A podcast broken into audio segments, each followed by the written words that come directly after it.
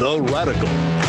Fundamental principles of freedom, rational self interest, and individual rights. This is the Yaron Brook Show.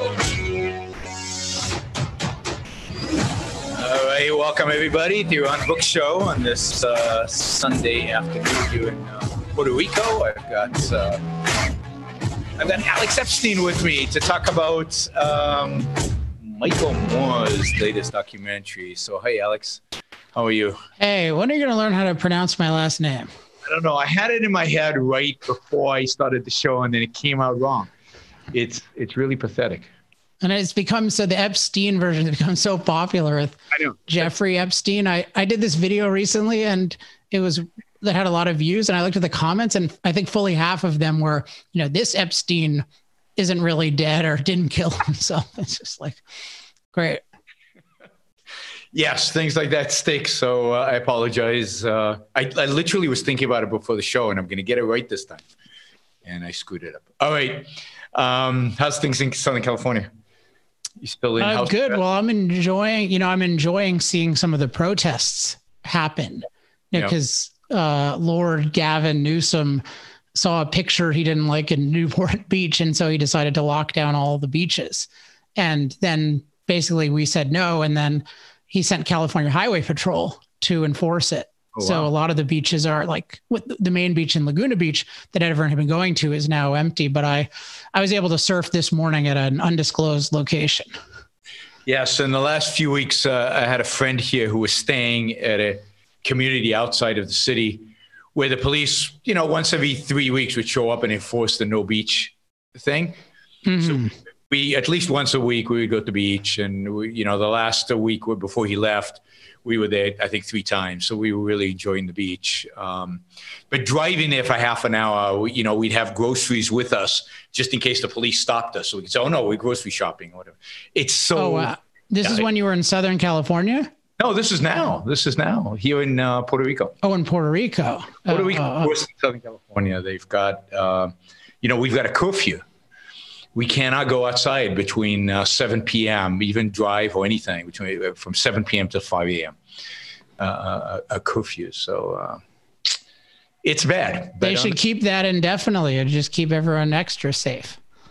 Yes, and you know, I've I've often said they should just not let men out the house, and then murder goes down, rape suddenly goes down a lot, and and uh, you know, generally assault, all all of the Yeah. violence go Because you don't need the government doesn't need evidence to treat you as a threat. So No. it should if you if you could hypothetically be a threat, then you should be locked in your home. you're capable of damage, then you should not be allowed to even accidentally maybe cause it. And since men cause most of the damage out there, you know, just keep them around, I guess, for um, reproduction and uh, and and lock them up at home for the rest of the time. so, which brings us to Michael Moore's new movie.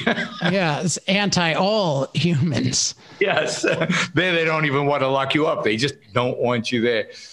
So, uh, so you watched the movie. I watched the movie, um, but you're the you're the expert here. So before we get to, you know, I think what's interesting here is going to be to talk The about. Radical. Oh, I pressed the button. Uh, I think what's going to be interesting here is to talk about what, in a sense, they don't say in the movie, right? They Mhm. don't actually explicitly come out and say. Um, but before we get to that, I, I, I, there's a lot of interesting stuff in the movie. hmm Actually, is true, right? That is that is is actually educational for a lot of people. So, um, what are some of the things that they bring out in the movie that is uh, that's interesting and true? I mean, one one way to frame this is there's this term green energy. And the the idea is we're going to get all of our energy from usually solar, wind, and batteries, and then sometimes biofuels. So that's based on living plant matter like trees or corn crops or sugarcane. And I think there are two basic criticisms you can make of green energy. And the one I'm focused on is it's not really energy. Yeah. That is, it doesn't provide reliable energy at low cost in all the different forms on a scale of billions of people. That's for me the problem because energy is crucial for people's lives. But the other thing you can say, in addition to the green energy isn't really energy, it isn't really green. In the sense of having little impact on nature. No form of energy has little impact on nature, in part because the whole purpose of energy is to impact nature. It's literally to do physical work to manipulate matter in nature. But then even to produce it is, you know, nature doesn't give us just electricity directly from the sun. So there's always a, an industrial process required to transform energy from its raw form into its usable form. And part of what's gone on with green energy is people just think, oh, the electricity just like the sun somehow beamed it to my house and then it came out of the plug and it's clean and everything is dirty. And so there was always this really big opportunity to take the halo off green energy, so to speak, by showing what is actually the process behind the scenes. And that's, I think, the most interesting, relatively true part of this movie is that you see in visual form many of the industrial processes that go into producing so-called green energy and then because of the the philosophy of the movie all the industrial processes are viewed as bad so like you melting metal bad uh, taking up mining. land yep. bad yeah mining everything um, but you then also do see certain things that one would regard as as undesirable uh, as in like you know in particular because green energy takes up a huge amount of space they end up just bulldozing really really scenic areas where for something like nuclear or uh, you know natural gas you wouldn't need to do that at all so i think overall the the one value of the movie and it is a significant value is to visualize the process mm-hmm. by which green energy is produced and to view it as a process. And, and that's something the fossil fuel industry has really failed to do historically. They've, one thing is they've had a reluctance to criticize green energy. And as part of that, they haven't they haven't been willing to say, well, our product is better than others, and they're not willing. So they're not willing to say, well, we're better at producing energy at a large scale. But they're also not willing to say, usually, hey, these are the processes that these guys are going through. Like, you know, you if BP kills a lot of kills a handful of birds, you see birds in oil, like that gets national news. But then wind turbines, by their nature, uh, chop up some of the most beautiful and rare form of birds, and that yep. doesn't get as much attention. So, in a sense, part of the fossil fuel industry's job is being done for them by this movie, and that's why you're actually getting a lot of enthusiasm from them. Yep. But I, I think that enthusiasm is misplaced yes. if, if we're really going to encourage people to watch this movie without severe qualifications. Yes. And so why why is the energy industry so reluctant to bring up these points, which in this movie about kind of the cost of this so-called green energy and the the the, the um, even by the on the in their own in their own terms, right? Mm-hmm. That is mm-hmm. so it, it, that, it, that this is so devastating. Why is the energy? This seems like a low-hanging fruit if you're going to criticize green energy. Why doesn't the low the the the, the industry do that at all? Well, the you know, the gr- green, sometimes it goes by renewable, is viewed as a moral ideal. And the dominant narrative with energy is we need to transition from dirty, unsustainable fossil fuels to clean, sustainable green energy. And so the the comfort zone for people not willing to challenge that narrative has been we are a necessary evil that is bridging us toward a future of green energy. So they have, I think, a lot of reluctance to being seen as anti green energy because they think that they have a coherent position of just saying, okay, leave us around for a couple decades until green energy can take over and we're all for it. And this is why you see on their brochures, you see wind turbines and solar panels. And you know, BP famously described themselves as beyond petroleum back before the, you know, the, the oil spill. So I think that that's a big part of it is there's not a lot of moral clarity about what they do stand for positively because if I think if there was, they would talk about something like, you know, we want the best energy. We don't want the greenest energy. We want the best energy for human beings now and in the future. And we believe we produce that now, and we're going to do our best to produce that in the indefinite future, but not not we're we're getting off our evil energy. Just we need to do it slowly to be yep. uh, practical. And when you talk to energy executives out there. Is, anybody, uh, are people receptive to the positive moral message? Yeah, I mean, certainly inter- the easiest I think has been internally. So when talking to employees, I think there's probably a higher self-esteem in the fossil fuel industry I mean, honestly, I think because of my work than there was before that work. I mean, certainly anecdotally, have many people in surveys we've done, but just people saying, you know, I feel better about what I do. And for some of them, it's translated into the ability to articulate it. And I think that what's difficult though is on a on a corporate level or an association level to get that kind of buy-in where people are willing to go out on a limb and say, hey, look, there are real problems with these alternatives. Like, yeah, it's not really energy and it's not really green. That takes a certain amount of, that's a real commitment.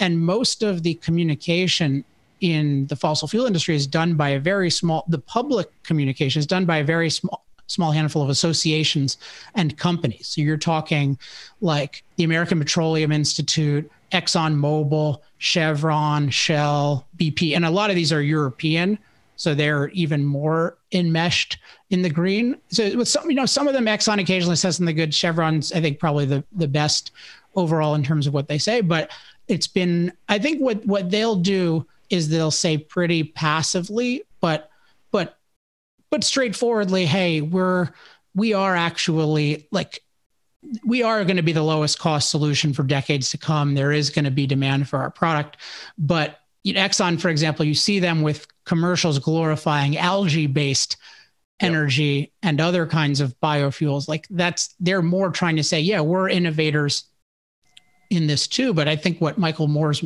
is not his movie, but Jeff Gibbs's movie that he's backing shows it's really powerful to demonize green energy. And I've, I've been advocating for a little while that, that you should demonize green energy and that all forms of energy should be viewed as competing processes. You can't have what some forms of energy are industrial processes and then some are magic. Yep. Yeah, I mean, the first time I think um, it hit me this idea of, of of what green energy really is about is when you called, and this is years and years ago, when you called the Tesla a coal car. Uh huh and it, and uh, that was just a brilliant integration. It it, it kind of hit because it suddenly kind of hits you, right? Um, where does the electricity come from? And in the movie, they mention that. They ask oh, yeah. well, and they do this over and over again. They keep asking, well, where does the electricity come from? Who is producing this electricity? So maybe let's do before we get into what the movie's really about. Let's do. You know, can you give us a few example of why green energy is not green that they present in the movie?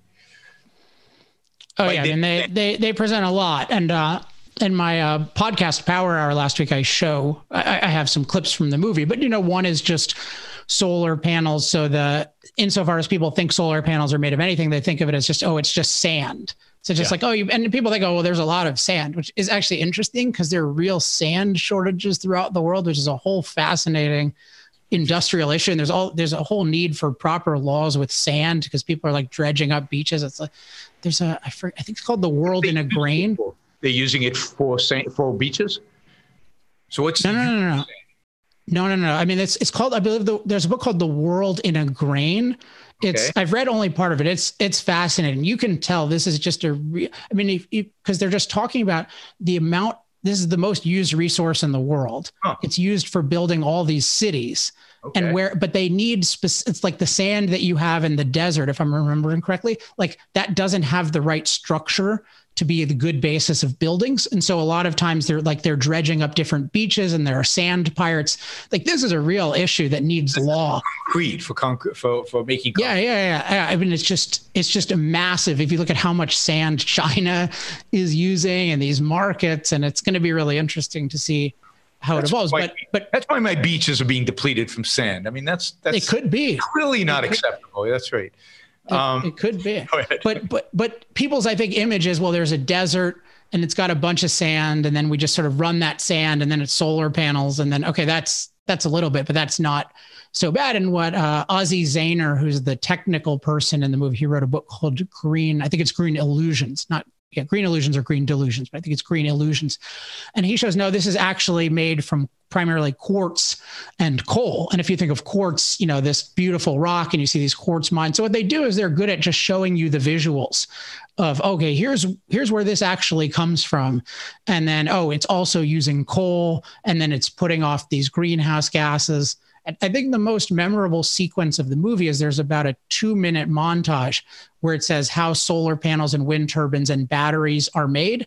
and it's just it's got to be 150 like discrete clips and it just shows oh well like coal and melting metal and you just get a and, and it's, it's such a test of perspective because most of it is if you're pro industry you think oh this is pretty cool Beautiful, yeah. doing it but then they also will show for example in that montage they'll show like children in the congo picking up cobalt. And so that one would ha- have real uh, issues with particularly because it's not at all disclosed. And then they'll show with the you know so that's one kind of thing like the human rights issues of having child labor get cobalt so that green energy can be a little bit less uh, expensive. Another thing is just the sheer size of the wind turbines. People have no clue of just how big those are. And so they're just these massive massive uh, structures like you know putting a 747 like you know um, whatever the head of it up and the tail down. It's just these these massive things. And then they have a couple of examples of what happens when these things are no longer useful because there's an idea of renewable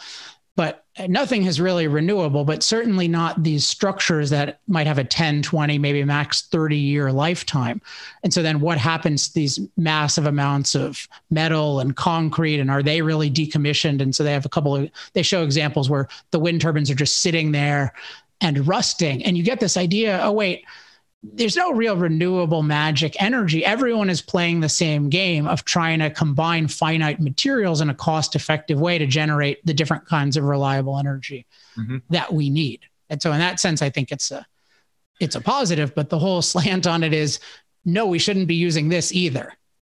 Yeah, I mean, I thought some of the funniest parts were where you know people claiming, "Oh, we've got solar energy or we got wind, everything is renewable here," and then they go backstage and what they find is, yeah, solar panels are, are basically providing electricity to this one lamppost, but everything, but there's, there's not enough electricity to provide for the whole event or whatever. That's and it's even like a concert, right? It's not, it's not like they're making steel. It's like they're powering.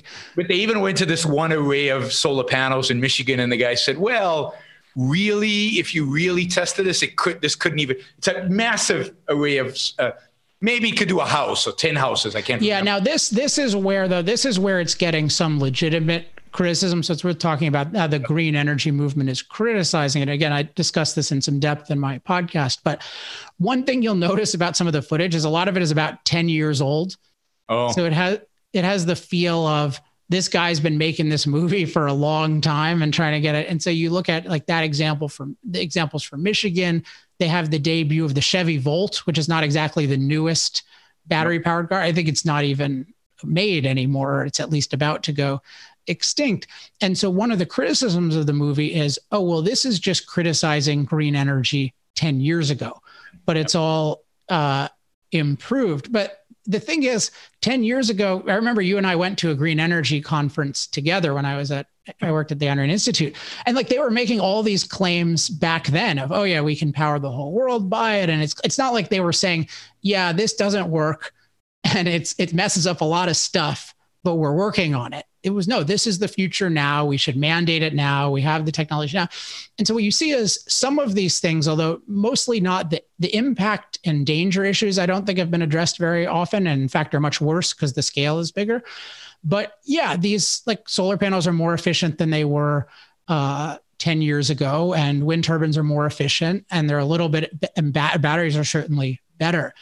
But the question so for the green part of it, the green part, the green problem with green energy, in a sense, they're more efficient at generating energy. So they're maybe a little more green, but there's a lot of them.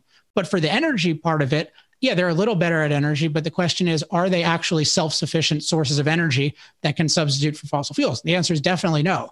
So that's that part of it is still true. And that the critics of it do, do not really engage with that. Or they, they keep saying the same schematic kind of propaganda they've been using for 10 or 15 or 20 years.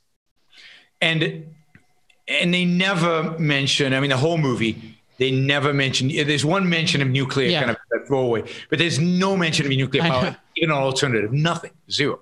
Yeah. And that's, that's interesting. That goes, I think, to part of the philosophy of yep. the movie. Um, because uh, part of what's wrong with the movie is they're looking what I, I criticize people on how they evaluate fossil fuels because they're always exaggerating or more with the side effects and they're always ignoring the benefits. Mm-hmm. And what this movie does is this just applies that methodology to everything. And then if there's an outlier case that doesn't really apply, it just ignores it. So, for example, on nuclear, like if you're worried about wildlife, nuclear is definitely the best thing because it doesn't take up much space. You can do it anywhere, and you don't. It, I mean, mainly it doesn't take up much space, and so you you wouldn't need to cut down any forests if that's a you know to the extent that's a priority. So they don't mention it. But even I was just reviewing the beginning of the movie. They'll talk about the history, and they begin with like, oh, cli- people have been warning about. They have one guy warning about catastrophic climate change in the late 50s or something. But then they then they also we can talk about that that kind of warning. But they show with pollution, they're like, oh, people used to be able to light the lake on fire and these other things, but they don't make the connection. Hey, wait a second, there's a lot less pollution now. And yet we have more energy and more industry. So isn't it possible to get more of the benefits of industry with fewer side effects? And that's the kind of thing with nuclear that that that you could possibly have where you can generate low cost energy more cleanly and you know with less disruption of anything you want to disrupt it's going to take no space and so they just ignore that so the whole focus is everything they're trying to show in the movie is how human industry is invariably self-destructive and unsustainable.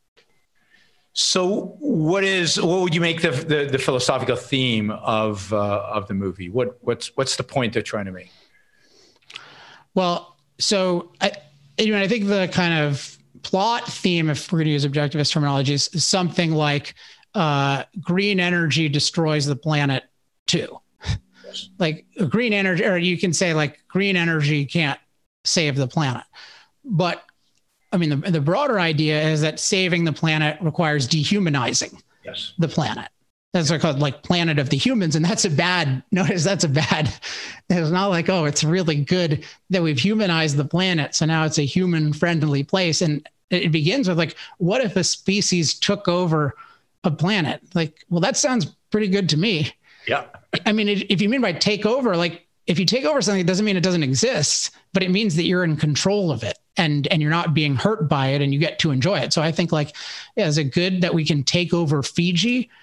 yeah, that's good. I mean, in terms of we can enjoy that natural beauty and we can master it versus being at the mercy of nature. But that, that's so that's how I think of the overall theme. Yeah, I thought the um, final few scenes were really reflected that. So so if I think about if I was going to project what what a environmental or any kind of or a virus or whatever catastrophe would be to, to the mm-hmm. world, you would show decayed cities, children starving, you know, things like that, things that affect mm-hmm. human beings.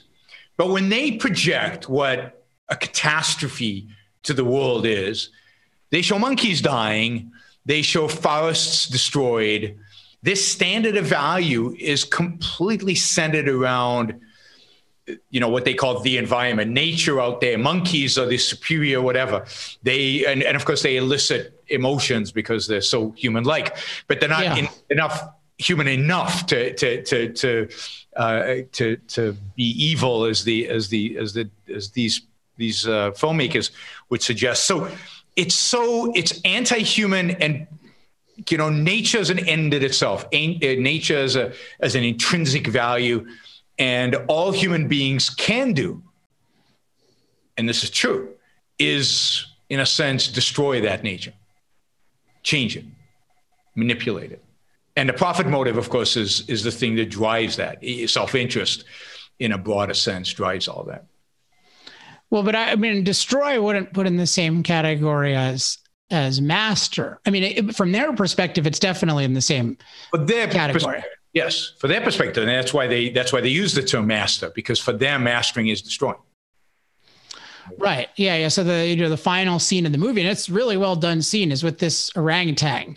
Yes. And you know, a forest is being chopped down progressively, and it's on a tree, and it's like you know one limb gets chopped off, and it has to go to another limb, and the the forest is shrinking, and then ultimately all the trees are down, and then it's on the ground, and you're like, yeah, you don't want to see this. I mean, that's not an enjoyable thing. It's a it's a painful thing, and it looks a lot like a human. But the idea is like this is what industrial civilization is: is inflicting misery upon this orangutan. Whereas in reality, the more primitive we are, the more we do have to be at war with that orangutan because we are so hard for us to produce food and we're so vulnerable to all the different parts of nature including the orangutan in terms of just like taking our food uh, that we do need to have an adversarial relationship. Whereas the more industrialized we are the more we can master nature the more we can decide hey it would be cool to have an orangutan preserve so we can see these animals. And like i really like you know i really like seeing different animals and i'm very uh, enthusiastic about that kind of thing and it's I, I think of it as like artworks and they're these evolutionary artworks. And i would not like to see those works of mastery destroyed but that that's within sure, the context you, of you wouldn't stop us uh, you know africa as it becomes richer which hopefully it will one day building cities in in habitat that was orangutan habitat yeah so shrinking number of orangutans ultimately right? Yeah or or you could just but or it could also be that as you become wealthier then you just and, and you you know your a lot of your industry takes up a smaller space then you can have larger amounts of space for that and much much better versions of what we have in terms of zoos but i mean it's definitely yeah but but part of what you're bringing up is that the idea i mean this is one of the evasions of the movie the idea that billions of people have been raised from poverty and misery by industry and there are billions more who are yep. still in that state that has zero that is not acknowledged once in the movie except except it's acknowledged and this is the most revealing part of the movie where this guy do you remember what he said was the most disturbing statistic pretty much he had ever come across no i can't remember it that. was it was a combination of the number of humans on the planet and then the amount of consumption of the humans yes. on the planet. It was that graph. The graph we yeah, so it's 10, 10 times more humans consuming 10 times each. They said, this means we're having 100 times more impact on the planet. They said, this is the most disturbing thing I've ever seen. And you just think about what that means concretely is it means that, oh yeah, humans are not dying during childbirth. They're not dying when they're 15. They're living a long time. So the death rate is lower. And they also are able to have something resembling a modern life. They're able to have ample food and protection from the elements and medical care and and time to they can actually choose what they want to do with their life. That's what this impact eh, amounts to. And yet he views this as bad. So there's just zero acknowledgement that nature does not give us the resources we need to flourish. And in fact it gives us many threats and that we have to radically transform nature to have a chance at flourishing. Like there's just no recognition of that. Not even one time in the movie. It's basically just nature is perfect. We got greedy and now we're going to ruin it. And so we'll probably go extinct in 10 or 20 or 30 years. So if if green energy is not the solution, what is the solution they propose to this quandary? Well, they would say we're we're not really we don't have all the answers. But insofar as they do have any answers, it's reduce the population and then they're not very specific about that. And in fact, in some in, in one of the follow-up interviews, I said, they said, we never said population control. But they do quote people saying like the only thing you can do is reduce the number of people. So I mean, what is I well, mean, if you said that and the other aspect of that is because they made an issue of consumption and they repeat this over, is reduce consumption. So the two things that they would like to see is reduce the number of people and reduce what we consume per person. Yeah.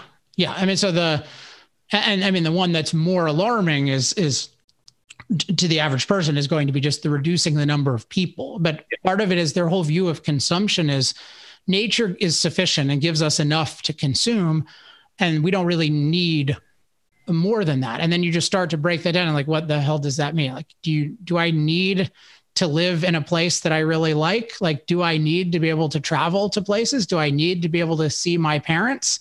Nope. if I want to. Like certainly don't need an iPhone. Yeah. Do I need to be able to access really interesting information anytime? Like, is that it? so? It's it's just what part of what's going on is they'll take they'll take sort of the most irrational or apparently or or at least caricaturable uh, activities of of consumption and then they'll equate all consumption with that so they'll just say oh well this person's just looking at their iphone 23 hours a day and that's what it means to consume. So we can just cut this back, and actually they'll be more happy because they'll be living in the forest with the orangutans. It's just like a total demonization of everyone's choices under freedom as valueless, which actually has a lot of, in common with the current lockdown. Yes. Which is to say that those have, have no value uh, either. All that matters is that you don't die from this virus, so that I, Gavin Newsom, will not be embarrassed by that statistic. You can die for the virus as long as other people don't die for the virus, as long as there's some collective uh, safety that exists out there in people's minds, then then we'll find.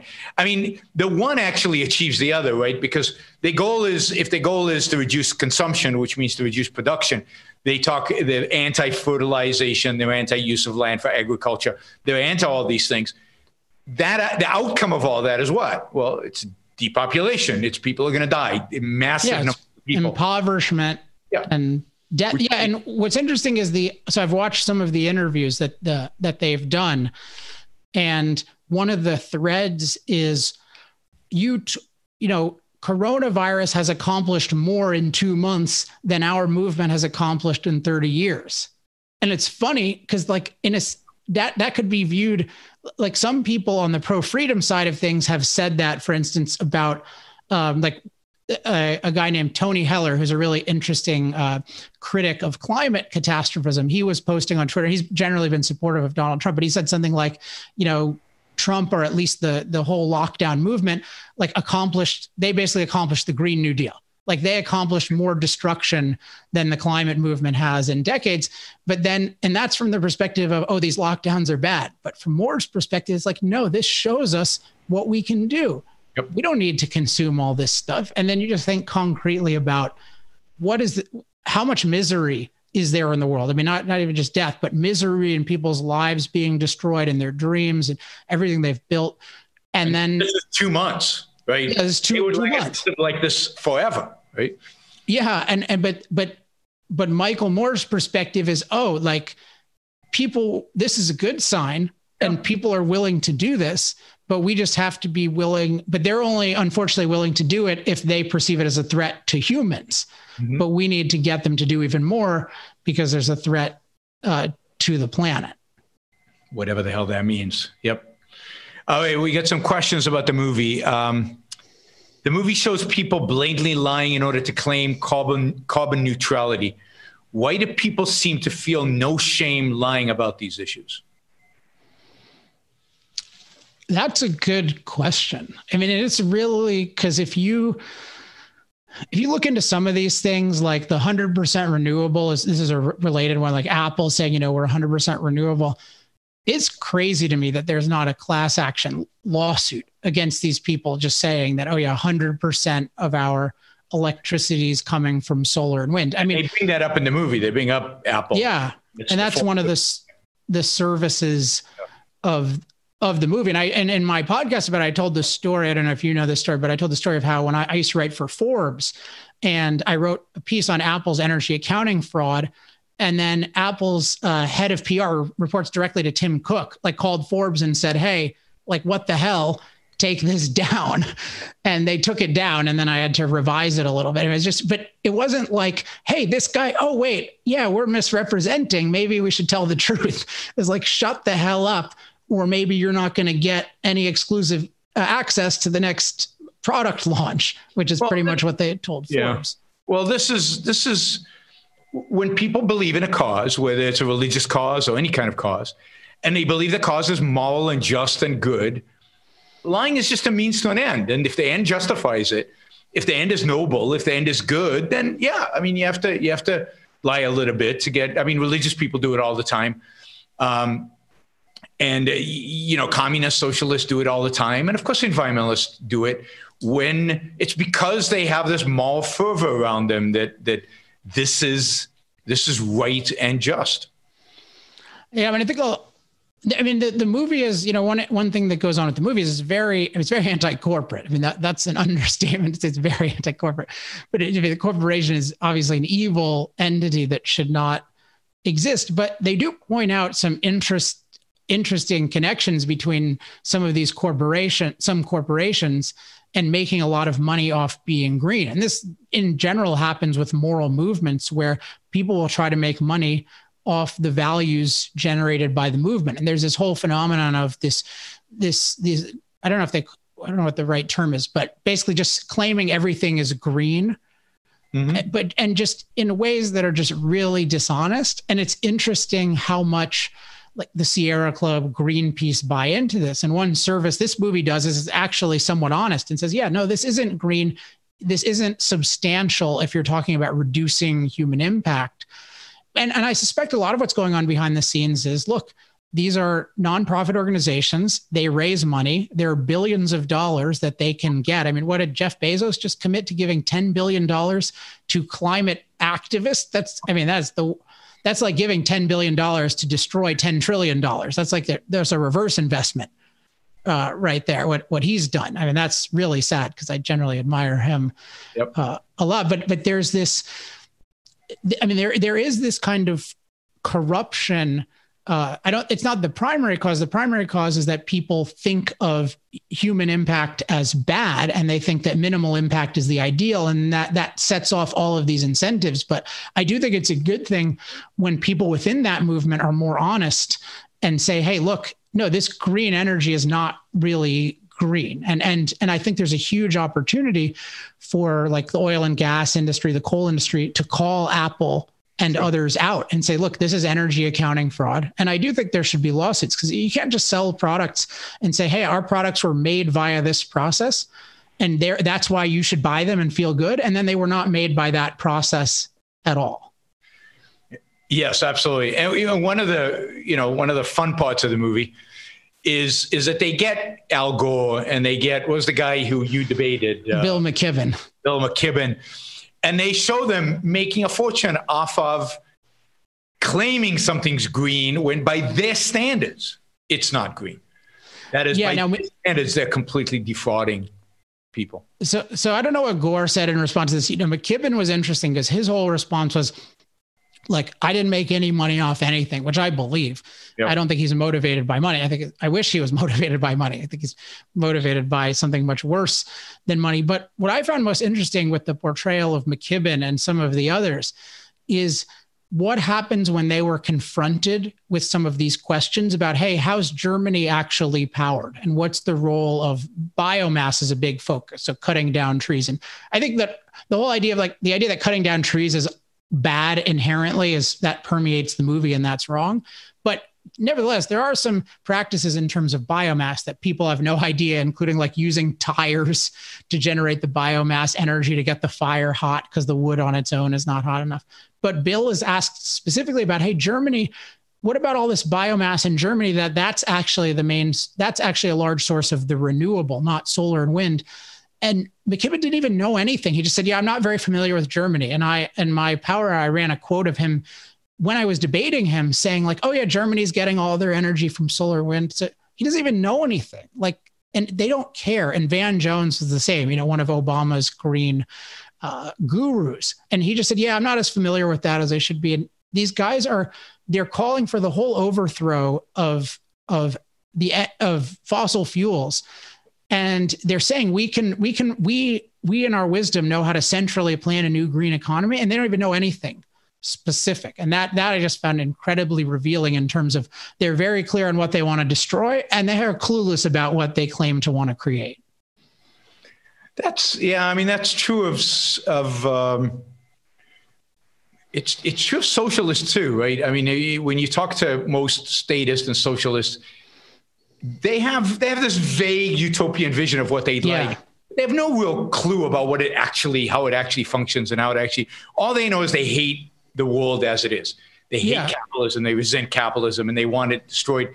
I don't know if you follow this guy, this communist who calls himself a communist, Zizek, and he said he says it. I don't know exactly what you know. He's just one of these gurus among the left. He says, I, I, you know, the left is all corrupt. He says because they can't project an image about where they're heading. And I don't know exactly where we should head, but this is unacceptable. What we have right now, this is clearly wrong and evil and bad, and we need to destroy it.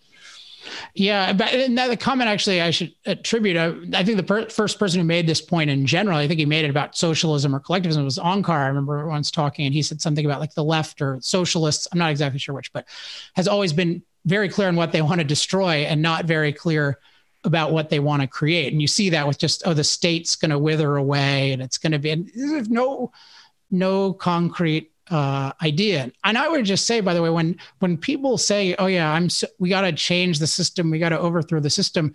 Like we, you and I would agree, there are huge problems with the system, but you know today's system works incredibly well compared to the system of 50 years ago 100 years ago in yep. terms of just quality of life now we have reasons to think it could be a lot better and we can point to the causality of the freedom of previous systems and how if that were if that occurred today then we'd be better off but when people just say like oh yeah we got to change the system and overthrow it you better know what the hell you're doing because this is sustaining billions of people at an unprecedented level.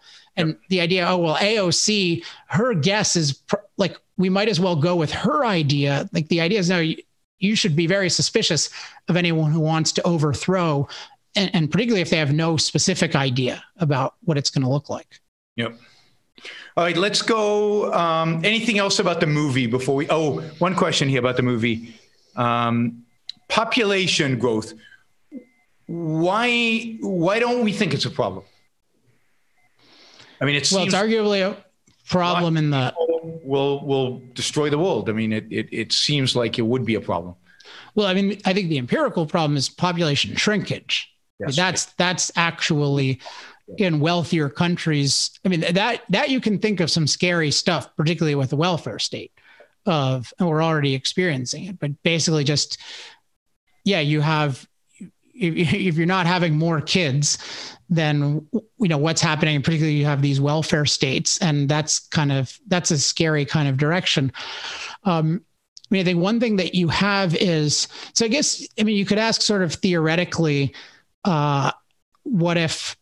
I mean, you could invent a world where there are no birth control, and then say, well, people, but there were no birth control, but there were like you could keep producing enough food yeah. to sustain everyone. I mean, that's just not the world we live in. The, if, if you did that, yeah, I mean, at some, but who knows? We have no idea. Like 70 uh, billion, it's totally plausible uh, that that would be great and that it would be better. Yeah. So the, I guess the question is a number of people here in the chat who seem to think too many people is a problem. Um, too many people means a lot of people means lots of productive people creating and building things, higher probability of you know, geniuses. Uh, because just just a, it's a numbers game. You, you, just get more people born with with uh, with their ability to produce amazing things. Just more people to trade with, more people to engage with, more artists, more more, more stuff. So it's not people don't deplete, people create, people build, people make. So it's it's exact opposite a way of thinking. The environmentalists view the world as a zero sum game. Every additional person takes stuff whether it's from the earth or from other people, we view the world as a as a win-win, as as filled with win-win in a free, assuming it's free. Yeah. You know? So it's it's you know there are other planets, there are asteroids to colonize. There there's lots of work to be done. We need we need more people to do it. I mean, I'm, I'm being facetious, but but there's there's no limit to how many people can be sustained in any particular place or time. Yeah. So the idea that human beings are net producers. So that means it's it's like, oh, well, what if I mean, if you were to put it as what if 10 billion super productive people came into existence? You'd say that's that's great. And right, you know, right now you think with something like a, a dangerous virus, it's particularly where you want, oh, like I would love a bigger pool for geniuses right now. Cause yeah. just think about if, if you look like over the next year, maybe even so far, but you're going to see there are certain individuals who have breakthroughs in terms of therapies, uh, if not vaccines. And that's not going to be that many people involved in that. And, and it's going to be certain like thinkers who think outside the box, so to speak. And so it's just exciting when you think about globalization to think about, yeah, what if all the minds in these countries are actually liberated and can participate? And it's a I, I used this example last time, but this show we really like, Mr. Sunshine. This this South Korean show, this really sticks in my mind as just an example of like, isn't it great that there's like the American spirit in South Korea, and that that and when people say like, oh, I wish all the movies were made in America, I just cannot relate to that yeah. at all. You know, you want to know, wow, what can everyone uh, do? That's right. One of the one of the shows I've enjoyed the most over the last couple of years, and Alex is watching it now and enjoying it, is I mentioned on the show is Mr. Sunshine, which is a Korean show. And yeah, I want, I mean, I wish more countries in the world were free. Because I think what happens is you get a lot of people and their, their productivity is constrained by statism and by political regimes that don't allow them to flourish and produce and create. But if you have more and more people living under freedom, oh my God, I mean, the, the, the one can only imagine the possibilities of, of uh, human creativity and human productivity. Plus, it provides more countries that are free, provides us more options for when uh, they lock down Puerto Rico and California. We can go to, to wherever that place is where they don't lock you down. South Korea, it turns out. Yeah, although they just passed a Green New Deal, so. Yeah, it's a very, it's funny. South Korea is ruled right now by a very, very leftist administration that happened to get coronavirus right, but nothing else, right? Everything else they do is terrible. It's one of these, uh, it's strange sometimes who gets these things right and who doesn't. Um, yeah. A lot of times, there are people within the government who are good at their jobs. It's rare, but it happens uh, so, you know, people the equivalent of the CDC. And in South Korea, they handed it over to those people, and they happen to be good people, and they happen to experience mm. because of SARS and stuff. So they got it right. Whereas in, in our country, the last people you wanted to talk, the government wanted to talk to was the CDC or anybody with any expertise because it was the whole process was far too politicized uh, from the beginning. Um, all right, let's let's move to some of these um, broader questions on. Uh, and so this is, these are questions about climate, I think, that came up last time. Is that right? Yeah, most of them about climate. There are a few about broader environmentalism stuff, and there are a few that you might not want to answer, and I might not want to ask you. So I might. oh, those are. That's what I want to know. I mean, I'll, I'll, ask them, and then you can decide if you want. Oh my um, God! What? What could those possibly be? Uh, can you provide a list of layman books on climate change that were worth reading? And if not, uh, is there on your website or is there some some place where you have those? Man, it's so it's so hard to endorse them uh, consistently. I think that one I think does a pretty damn good job though is there's a book by Roy Spencer called Global Warming Global Warming Skepticism for Busy People. Huh. I think he does a good job at, um, he does a good job at summarizing just summarizing a lot of how climate works and summarizing the arguments on different sides. And he tends to be a good popularizer. So he's one of the pioneers of satellite uh, measurement. So okay. he's, I mean, he's definitely known as on the side of quote unquote skepticism. So he's not exactly mainstream, but you know, he has been an innovator in the field. And I think that's the thing I've read recently that's best. Uh, I think Moral Case for Fossil Fuels pretty good at, at, at summarizing it. That's a good question. I'll think, I'll try to make a note to on my podcast, think about a list because I, I, see so many of them. And then, I'm, but I'm always thinking of it from kind of the perspective of what can I extract from it versus is this overall, would I recommend this wholesale to someone else? Yeah. It might be worth on your blog or somewhere to just put a few yeah. books with some caveats. Um, this reminds me, why don't you give a plug to your website, your podcast, and, and stuff? So yeah. So the easiest way to learn about my stuff is if you go to industrialprogress.com, you can just sign up for our mailing list. And so I have an, a weekly email once a week that has uh, everything. And that'll pretty much get you everything. I mean, you can look, I'm on Twitter and I'm on all the other things, but industrialprogress.com, just getting on that list. I think that's the, that's the quickest way to get everything. Great.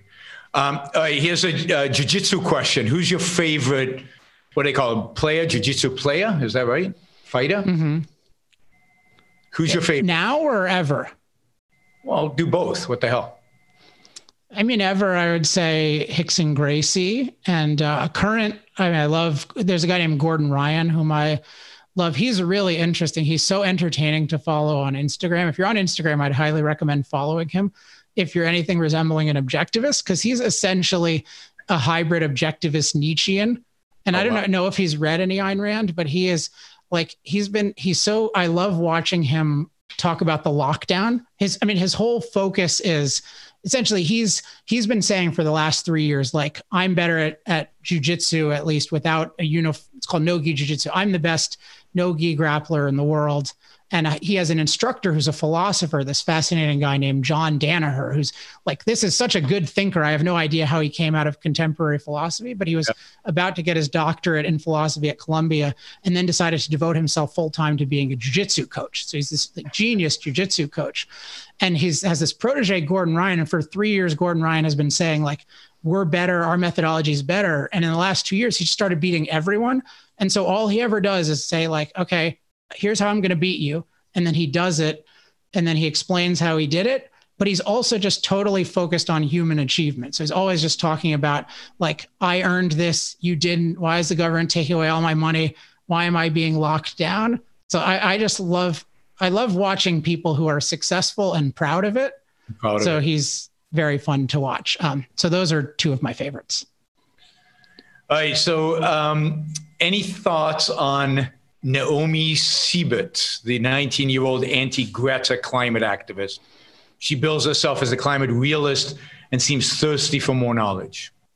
Do you know who? Yeah, I've gotten to know her a little bit. Uh, I will possibly. I, have talked to her about having her on my show. So, and I know she listens to Power Hour a lot. Okay. So I'm I'm grateful for that. So okay. I don't. I, I I mean, I think generally she's in the right direction. I don't know too much about her, but I'm planning. Well, I'm at least exploring having her on the show, and she's. Uh, somebody somebody writes a warning that she's alt right conspiracy theorist. I don't I don't know if any of that's true. Okay, yeah, I, yeah, I can look into that. But in terms of in terms of what I've seen her say publicly, it's yeah. been quite uh, articulate, and certainly I agree with it a lot more than I agree with what Greta Thunberg. Yeah, well, that's Greta would be hard to match. All right, there's a Any level thoughts? of disagreement. Any thoughts on the evolution of BJJ? What's BJJ? Uh, that's Brazilian Jiu-Jitsu. Yeah, that's that's over the last. My answer to that cannot be of general. And how it was evolved. What are the leading schools grappling with? Oh my God!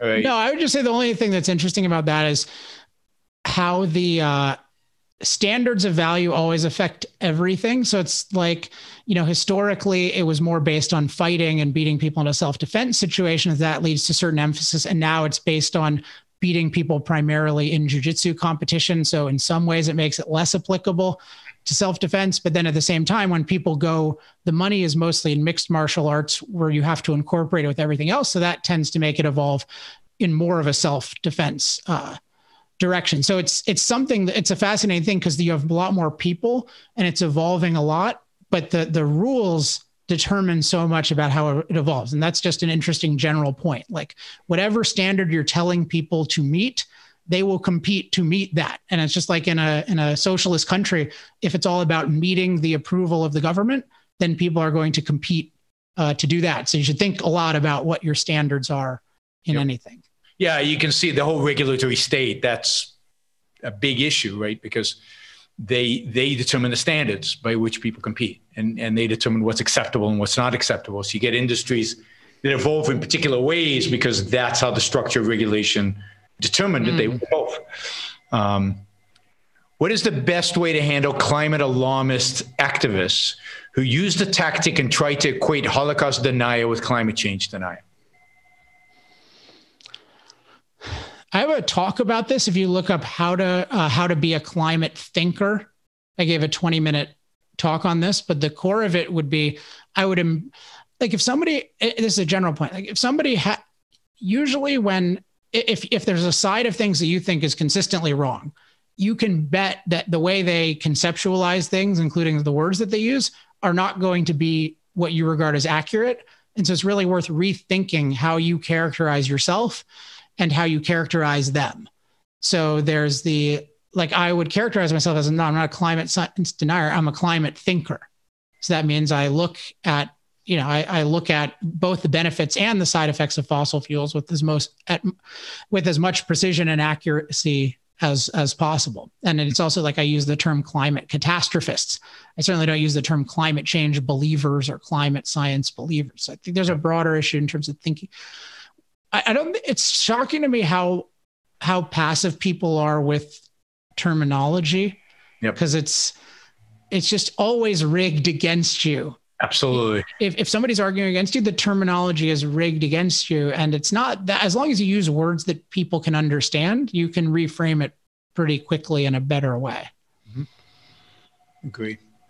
Uh, Patrick Moore suggests it's a mistake to see the premise that CO2 is bad for the environment, but rather it leads to more greening of Earth. Any thoughts? I don't think that's an exactly accurate statement of his view. By, by the way, Patrick Moore is, I would really recommend following him on Twitter. I am a big fan of his.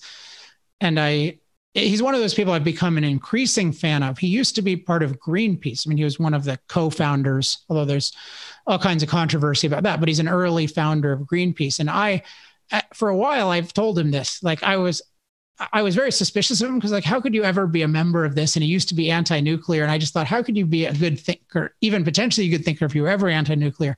But he really is a good thinker, and he's he's fascinating because he knows a lot about ecology, and he really th- likes humans yeah. and understands he understands capitalism pretty well. So I rec his I think his eco sense on on Twitter, but if you just look up Patrick Moore, so he's very big on emphasizing the benefits of CO2 fertilization. I think that's legitimate. And he he'll he says, yeah, CO2 has a warming influence and there could be some good and there could be some bad. We don't really know, but there is this greening influence that's good. So I think he's generally good on that. I wouldn't put it as CO2 hurts the environment or not. I mean, I'd say it's like are rising CO2 levels on net good or bad for human beings. I, the reason I may seem to have a little bit of a different position is I think it's important to start off with how to think about the issue. So it, the question is, there okay if there are negative side effects from this how do we think about it versus scientifically proving that there aren't if i think too much of the the opposition to anti fossil fuels has been saying oh co2 does nothing harmful at all and then every then you're conceding that if co2 does any harm then fossil yep. fuels are bad and so that's what my, my whole focus is no we need to look at the benefits and the side effects with precision and then once you get people to do that and to actually be precise about co2 then they're open to the kinds of arguments that that patrick moore makes very well mm-hmm. um, says, why don't you mention that climate scientists have a conflict of interest as they dole up $2 billion of government grants to push propaganda? I love questions that begin with "Why don't you?" Yeah, I know. I too. I, I hate that. I, I, just occurred to me. I don't, I don't mind it. It's, a, it's actually a good question, but it's kind of a, like, why don't you do this? Um, that's another one where I'm going to mention it a little bit in the new version of Moral Case for Fossil Fuels when that comes out. But it there's a question of when you're making an argument, you have to think about who the audience is and when it makes sense to introduce a certain point. So if somebody's saying fossil fuels are bad, they're destroying the planet, like at what point in that are you going to introduce okay, there's funding incentives for people to distort the nature because uh, then does the case for fossil fuels really depend on corruption of government officials? And then people start to think well could everybody be corrupt? And are all the scientists being paid off? It's it's easy to go down a, a path where it's it's really far fetched and I don't think it's a complete answer. So it's it's true that there are incentive issues, and I and I think it's worth pointing out. It's worth particularly pointing out that any kind of monopoly in the field of knowledge is very dangerous, even if people are well intentioned. So one point is if if you if the government this is actually the same issue as the jujitsu question. If you're sta- what is your standard? So if the standard for government funding of climate research is show us things that will uh, explain the negative impact that CO2 is having on our future, what are people going to find? Even if everyone is totally honest, what's going to happen is the people who disagree with that are going to be filtered out. And in general, the people who have them over time, the people who believe in that more are going to do it and then their students will be promoted. So I think it's a good point to make about the monopoly nature of it.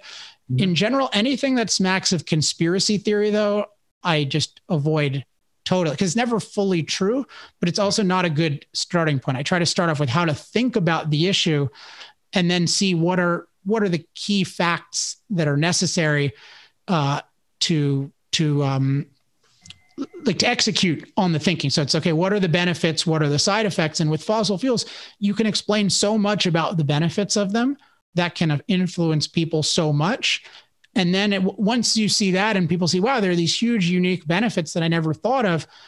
And, and nobody has presented that to me. Yeah, I guess it's plausible that if they're ignoring the benefits, people could be exaggerating side effects. Or if you say, oh, this climate stuff you've heard, this is nonsense. CO2 is good.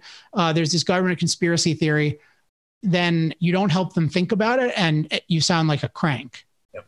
Yeah, I, I agree completely. And and if you're interested in the the people are motivated by money and it's corrupt argument, then actually the Michael Moore movie has a lot of that in it. So uh, you know, you I thought you were going to say, I thought you were going to say, read the establishing of an establishment by Ayn Rand, because that's the essay that really explains that yes. dynamic. Yes. And That's a better recommendation. Better than, even better than Planet of the Humans. yeah. Even better than. is zero point energy a real thing? I don't know what that is. Uh, what are the chances that we'll see it happen? I don't. I don't even know what it means. You don't know what it means. Okay. Or supposed to mean, but I would guess no. I would guess no. Yeah. Um, is there going to be a new Dark Ages? And could and and well, if there was going to be a new Dark Ages, and you could choose only one book to be discovered in 1,000 years, which book would it be? I, I don't think there's going to be one. Um, no, I don't think there is. I mean, what? But are all the books gone? Like, yeah, do they know English? Can only save one. But but can they read? have they not learned? Like, there's just, I mean, if I could say Atlas Shrugged, but what is that? Like, do they know what the words mean? What would it mean to them? Maybe it would have to be Anthem.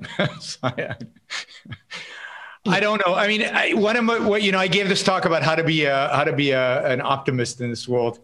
And one of my arguments is that we're not, any dark age as it comes, and it could be a decline in civilization. I'm not suggesting there couldn't be one. But if if in if in Roman times when Rome disappeared, there was a dark ages because there was nothing else. There was many people around on planet Earth, but only very few were civilized. We live on a planet with eight billion people who all have access to knowledge, and who many of them have now gone to college. There are millions of engineers around the world. There are, you know, knowledge is dispersed in a way that even if the United States collapsed tomorrow, I mean, there would be dire economic consequences, but the knowledge would not just disappear in, in, in all in one swoop, uh, swoop like it did uh, during Rome.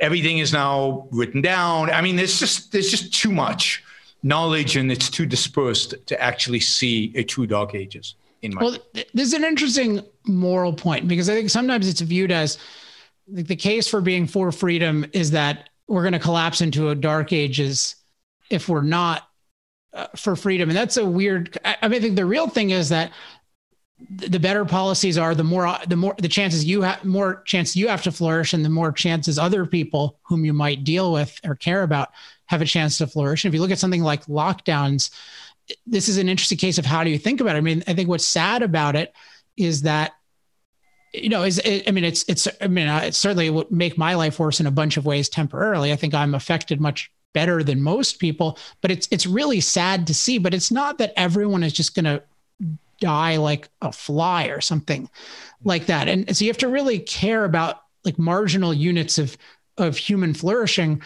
But uh, but so I don't think of it as like oh I'm fighting for freedom so that I'm going to avoid a dark age because otherwise I'm going to drop like a fly. But then it contextualizes like how much time you spend, particularly if it's not your job, it's more our job to do. But it shouldn't be like the whole thing is fighting for the civilization and that's it. You're you're trying to enjoy your life. And it's not that if you don't fight, everyone's gonna die tomorrow. But it is if you do fight, you could make life better. And when I said earlier, even I, I'm confident that my work has at least raised the self-esteem of the fossil fuel industry. Okay, that's like a couple million people. Like yeah, that's a good a thing. A yeah it's it's a big deal but it's not it's not it's not like um you know the avengers end game it's we tend to just think of it as all like the world's all going to be destroyed or nothing. And it's yeah. it's much more of a marginal thing and there's a very much a a you know end of the world mentality that is yeah. easy to fall into and that we are going to save it or not, right? But it's up to us. It's like we're that important or that significant, and it's it's about the world.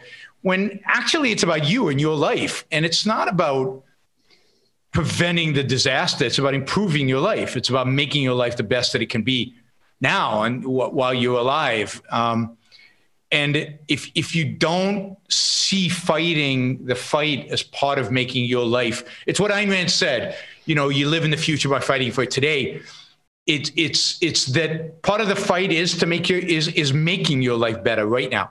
Um, but you also live in the future that other people fought successfully for. Absolutely. So they would want you to enjoy it yep. too. Yep. Yeah, and the focus should be on the enjoying. I see so many people who focused on the fear, who focused on the dread of what's to come, rather than on the moment and on their lives right now and how much they can be enjoying their lives right now. Yeah, and with philosophy, I mean, you have you have so much ability to control your own. I mean, your ability to control your own fate is so disproportionate to your ability to control these uh, other kinds of things, and it is it is sad to see the amount of destruction that's done by these policies. But that's actually where not being a pathological altruist can help because otherwise you would be just completely bent out of shape. Like you couldn't even function because you'd see like how much suffering and it's hard already even as an egoist to see like these lockdowns and what they're doing to people. But if i understood what i understand and my and i was just a total altruist i don't know how i could function.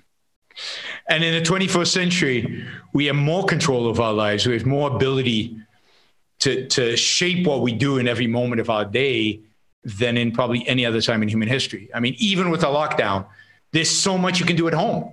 Well, that was not true. Uh, yeah, I mean, we have more capability than somebody did 200 years ago in freedom in yep. many ways. Now we yep. want all the ways. We want all the ways, exactly. We want it all.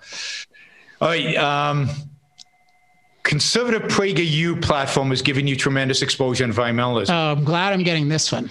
I'm glad I'm getting this one. Okay, go ahead do you think they would be open to more objectivist viewpoints? Oh, I thought that wasn't the question. I was. Uh, it's always wrong when you expect a question. Yeah. Yeah. So let me let me comment. I was thinking I've had this opinion that I wanted to talk. Answer about. the question you want to answer.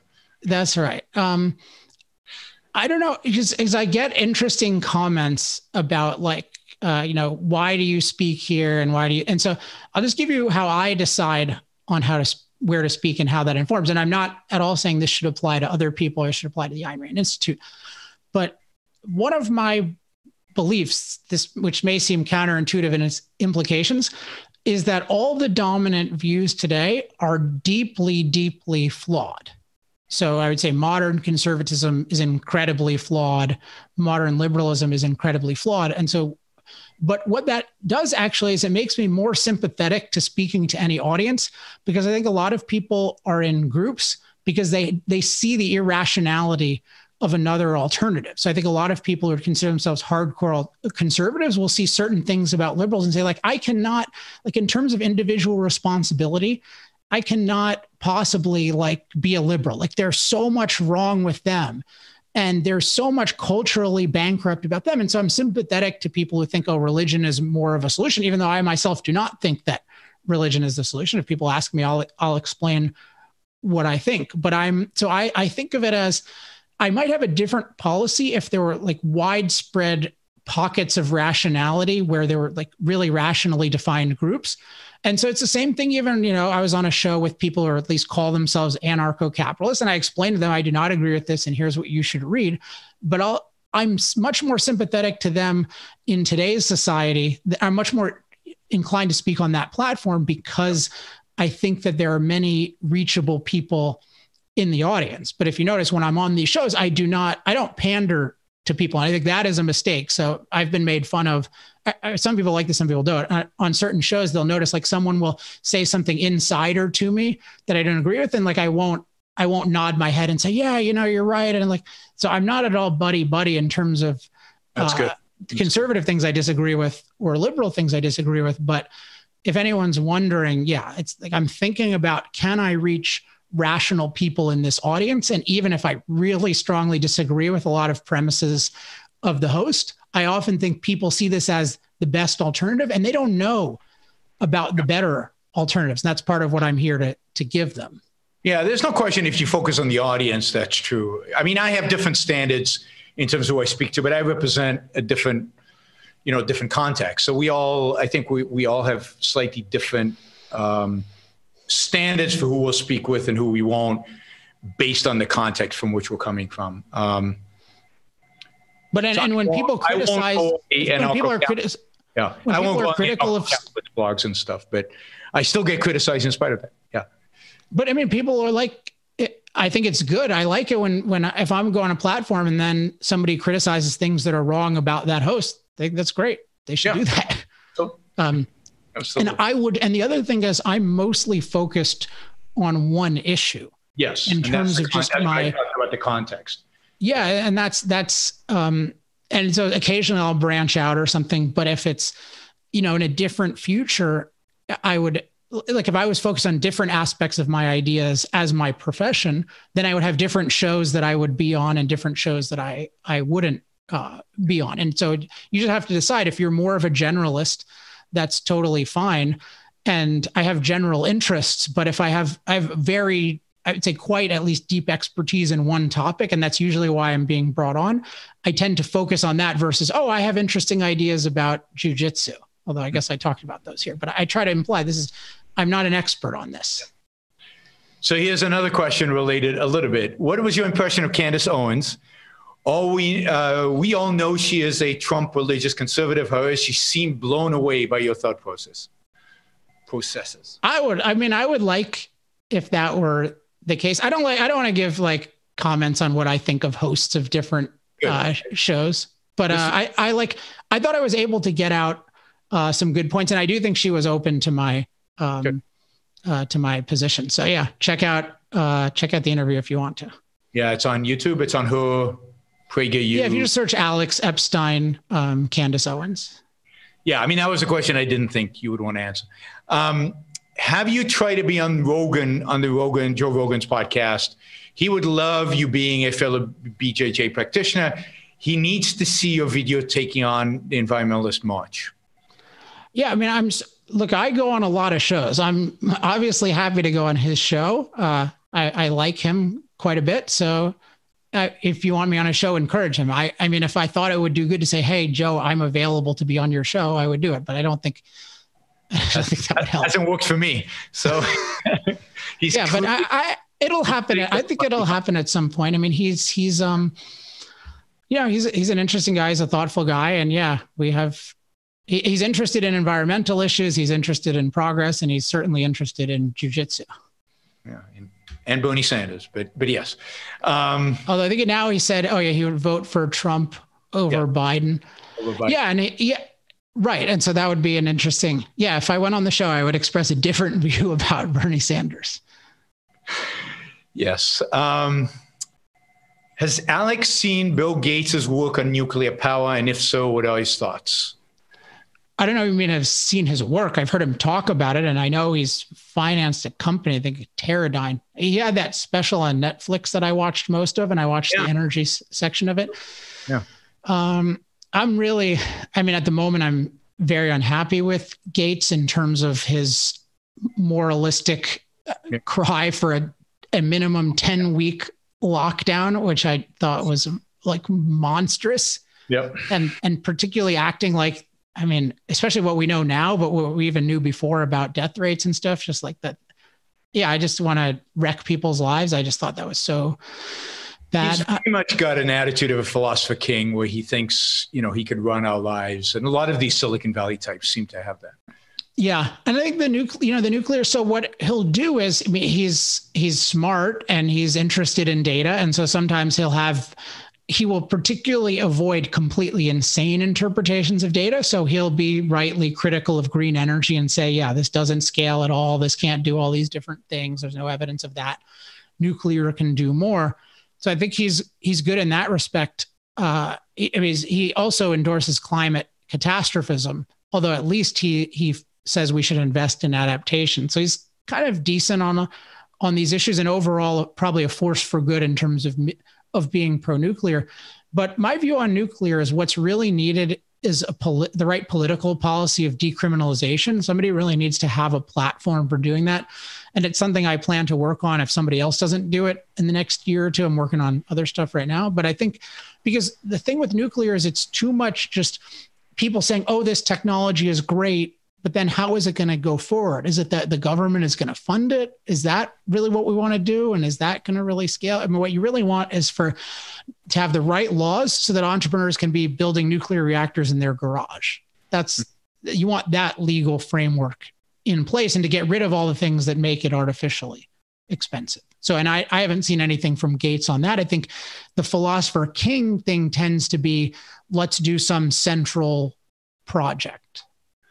Yeah. I mean, I think he, a lot of these guys, I mean, what they try to do is work within the political, they don't try to change politics. Uh, and his experience with mm-hmm. politics is it screwed him and he had no impact. He tried. Uh, and he had no impact on it. So I think they are they've given up in a sense on changing politics. Then the question is how do we manipulate the political system so we can get our nuclear project done? Um, and they don't understand that they can't. Right at, at the end of the day, uh, one way or another, they'll be squashed, and they always will be. Yeah, well, certainly, and also if you're just worried about your own project, maybe you can. But they're talking about. I mean, they're trying to artificially accelerate nuclear, yep. even beyond what it would be on a free market. And it's something like, you know, that requires something like building one reactor a day every day starting yesterday. I mean, there's no there's no way to do that outside uh, private individuals figuring this uh, out. So well, he, if, if they're serious about scaling it, they need well, you know, he tried to build a reactor in China, and and with the Trump China stuff, that got squashed. So now he's yeah, trying to. It's just so slow. I mean, the stuff is everything. the rhetoric behind this is so.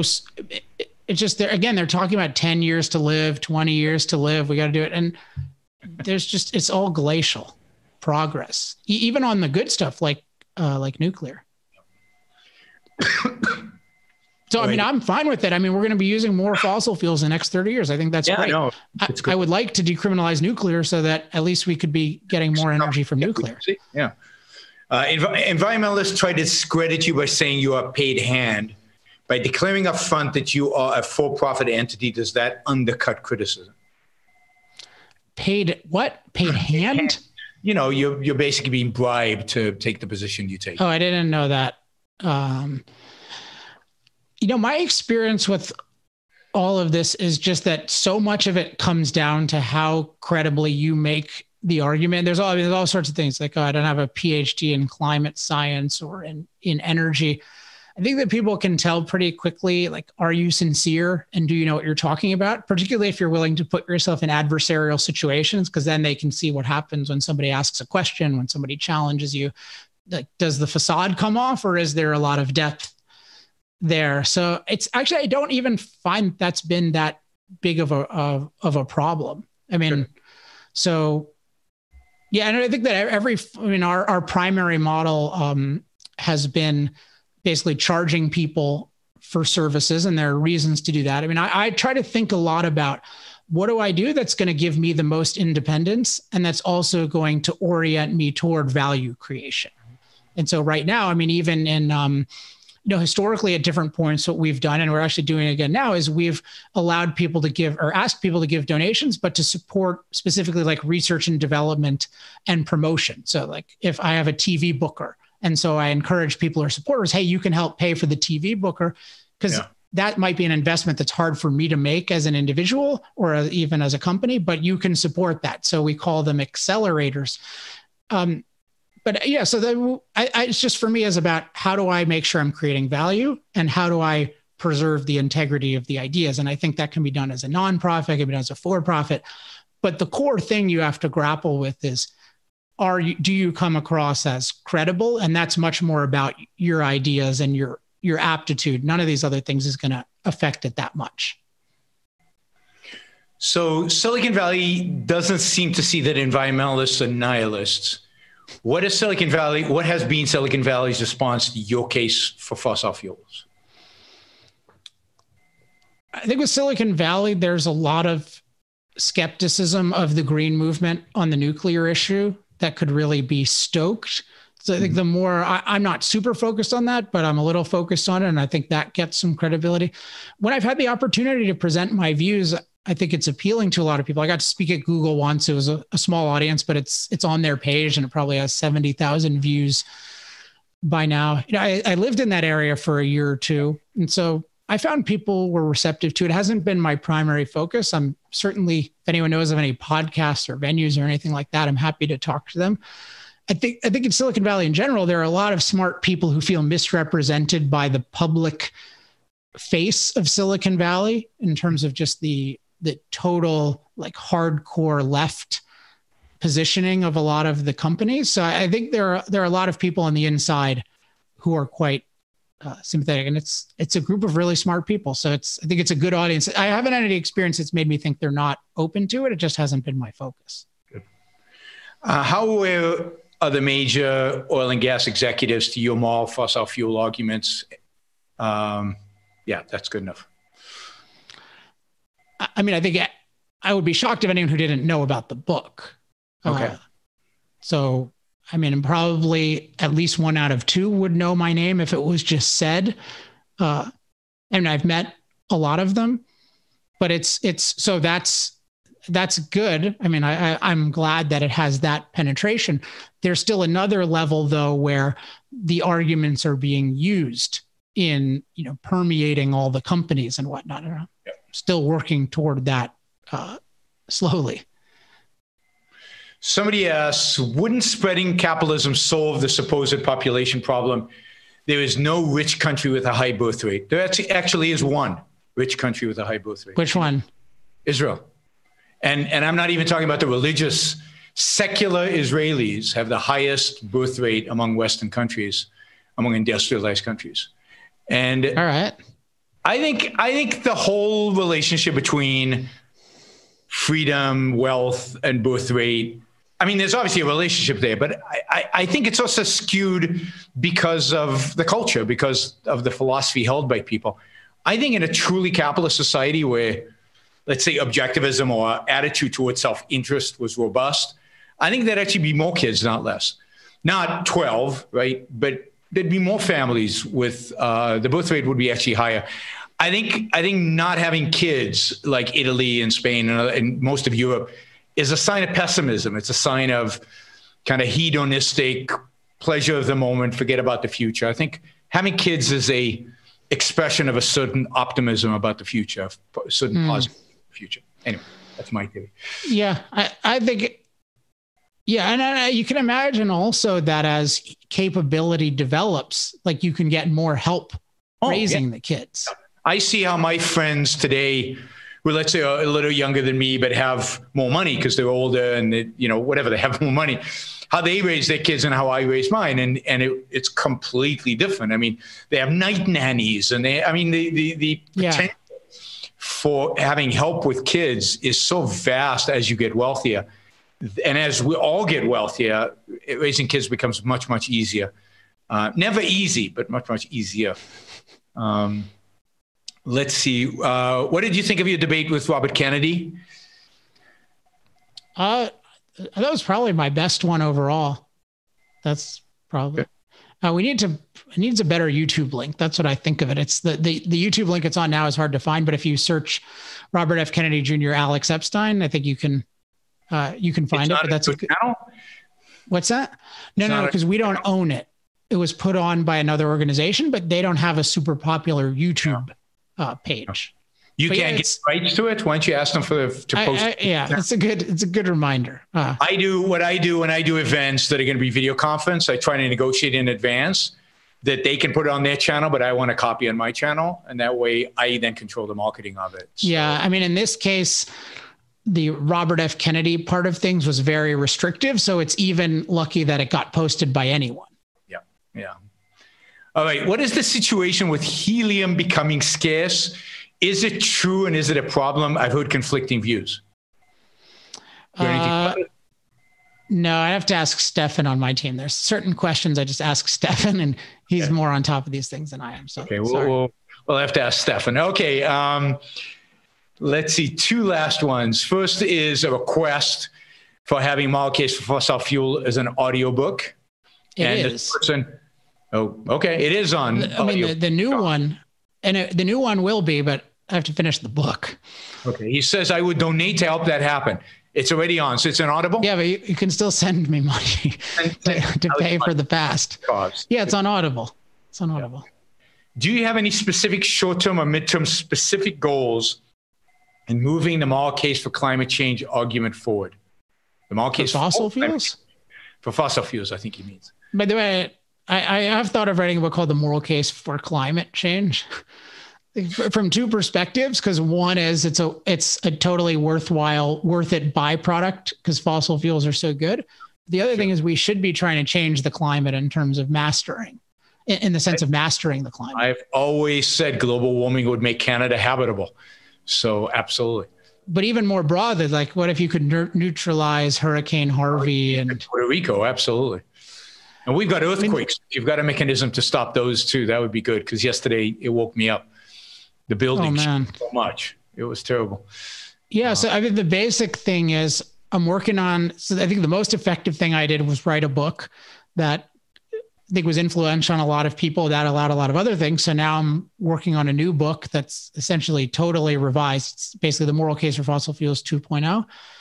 And uh, I've been it's been taking me a long time, but I think it'll be uh, worth it. So my view is that you know, I, am very, I felt like the first book I, that first book, I felt like every minute I invested in making it as good as it was, was worth it. And so now I'm investing a lot more minutes and a lot more dollars in making the second one better because books are not the only thing and they might not even be the best for certain things, but there's something about writing a book. If it really, if it really catches on that it just, it penetrates people's minds in a way that's very hard to, to match. Yeah, I agree. Good. Well, I, uh, we said an hour and a half. We're, we're basically there. Uh, thanks, everybody. Thanks for joining us. Uh, as uh, as Alex said, you can follow him at industrialprogress.com, and uh, mm-hmm. you can. He's on Twitter.